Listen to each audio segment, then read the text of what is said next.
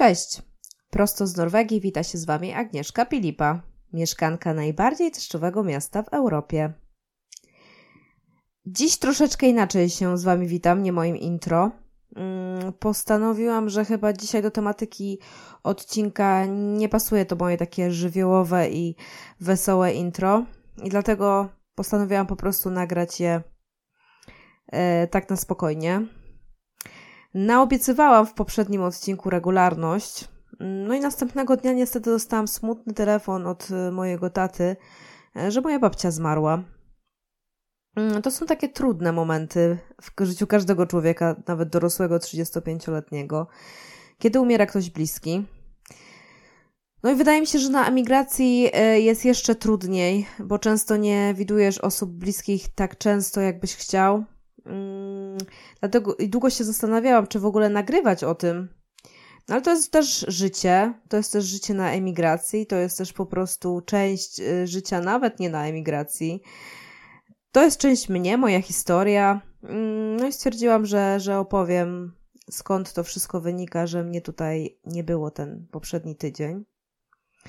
Moja babcia y, ostatnimi czasy już chorowała.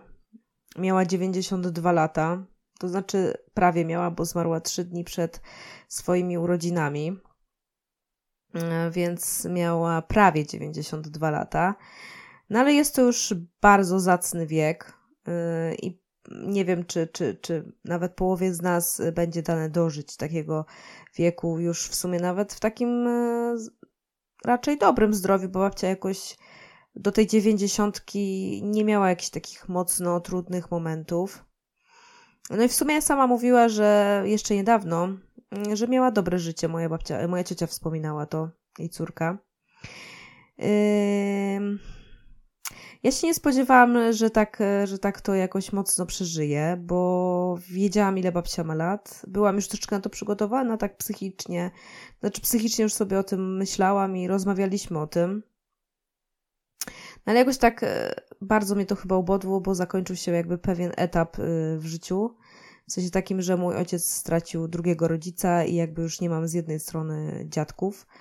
Mm, no i nagrałam e, przed wylotem do Polski odcinek yy, i chciałam go dodać podczas mojego pobytu, żeby była regularność. Jednak po odsłuchaniu teraz jakiś czas jeszcze przed wyjazdem stwierdziłam, że jest on troszeczkę za bardzo osobisty i taki rozwleczony. Yy, I nie chciałam po prostu, żebyście się za mocno wynudzili takimi moimi jakimiś, wiecie, wspomnieniami mocno rozwleczonymi. Więc postanowiłam nagrać y, nowy odcinek i dzisiaj go usłyszycie. Słuchajcie, wspominając dzieciństwo, y, zawsze się w nim pojawiają dziadkowie od strony właśnie taty. No i babcia, mm, czyli mama mamy, ponieważ dziadka mojego drugiego nie znałam, ojca mojej mamy, bo zmarł przed moim urodzeniem. Dlatego ja zawsze jakby myśląc o dziadkach, myślę o tej trójce, czyli dwóch babciach i dziadku. No ja mam wspomnienia z dziadkami takie bardzo ciepłe. Ja miałam bardzo dobrych dziadków i bardzo takich, takich prawdziwych, wiecie, jak to czasami e, się e, tych dziadków tak przedstawia, że babcia właśnie ciepły obiadek i tak dalej. Dziadek nam też e, robił, e, strugał nam samoloty z drewna. No to byli tacy prawdziwi, fajni dziadkowie. Takie wiecie, niedzielne obiadki, ciasto domowe, wypady nad rzekę latem. No fajne, fajne wspomnienia. Yy, przyznam, że byłam takim przypadkiem, że nigdy nie wymigowałam się od tych niedzielnych odwiedzin dziadków, nawet jako nastolatka. Zawsze jeździłam tam do nich z miłą chęcią. Yy, dziadkowie rozmawiali z nami, interesowali się, wiedzieli zawsze, co u nas słychać, wspierali nas no mam, myślę, że mam szczęście, miałam szczęście, że tak naprawdę miałam takich fajnych dziadków, takich prawdziwych. No I takie wspomnienia, no to chyba już nigdy nie zjem tak dobrych klusek parowych z gulaszem jak u babci i z taką kapustką zasmażaną, naprawdę. No i takiego ciasta, słuchajcie, fale Dunaju. Babcia robiła czasami takie ciasto i karpatkę i fale Dunaju, przyznam się, że nie pamiętam, żebym jeszcze u kogoś jadła właśnie to ciasto. Zawsze tylko właśnie u babci było fale Dunaju. Druga babcia, jeszcze która żyje, to będę robi przepyszne kotlety mielone. Po prostu smak tych kotletów próbowałam wiele razy odtworzyć i wiele razy babcia do tej pory jeszcze mówi mi przepis, jednakże no po prostu nie wiem. Nie wiem jak to zrobić. Pamiętam jeszcze, że ta właśnie babcia, która zmarła, robiła jeszcze takie lody w domu, wiecie, takie domowe lody i galaretkę z rodzynkami no nie wiem, rodzynek ogólnie nie przepadam, nie lubię ciast z rodzynkami, ale tą galaretkę z rodzynkami takimi mm, rozmoczonymi wspominami czuję smak do tej pory, mimo że, no tak pomyślcie sobie, że to nie było nic wielkiego, to jakoś tak mi się, się kojarzą te niedziele z tymi, z tym ciastem, galaretką, lodami, obiadem. Mm, później oglądaliśmy właśnie wspólnie Familiadę i na dobre i na złe po obiedzie. Zresztą chyba większość z nas robiła to po niedzielnym obiedzie, bo nic innego w sumie ciekawszego nie było w telewizji. Wiecie, już takie pewne rzeczy już się będą na zawsze z pewnymi ludźmi, z pewnymi jakby czasem e, kojarzyć. Mm, na przykład jeszcze mi się z babcią kojarzy słynna dieta babci, NZD, czyli, czyli nie żryj dużo. Babcia zawsze dbała o to, żeby wyglądać yy, dobrze. I wyglądała dobrze. Y, tak dbała o siebie po prostu, żeby nie być y, za, żeby nie mieć za dużo kilogramów. Jednak zawsze mówiła, że to dla zdrowia. I to jest łat, wiadomo, no to jest bardzo ważne, dlatego że te dodatkowe kilogramy zawsze nam gdzieś tam się niestety odbiją później, prędzej czy później. I ona się też dobrze czuła, troszeczkę taka w, dobrej wadze, powiedzmy. Nigdy nie była jakoś mocno szczupła, po prostu miała taką normalną wagę. No i zawsze mówiła tam po zimie, kiedy miała dodatkowo jakieś tam 2 kg nadprogramowe, że teraz na przykład kanapeczka mniej wieczorem i już tam po jakimś czasie będzie się lepiej czuła na lato. No i to właśnie tą dietę NZD, czyli nie żryj dużo, będę zawsze właśnie wspominać z babcią. No, mam naprawdę bardzo dużo fajnych wspomnień. Mm, nie będę Was tutaj dzisiaj chyba nimi zanudzać, bo się rozwlekłam w tym odcinku, który nagrywałam jeszcze przed wyjazdem. Myślę, że po prostu najlepiej jak te wspomnienia zostaną po prostu w moim sercu. Mm, tak, tak, w moim sercu najlepiej tam chyba będzie.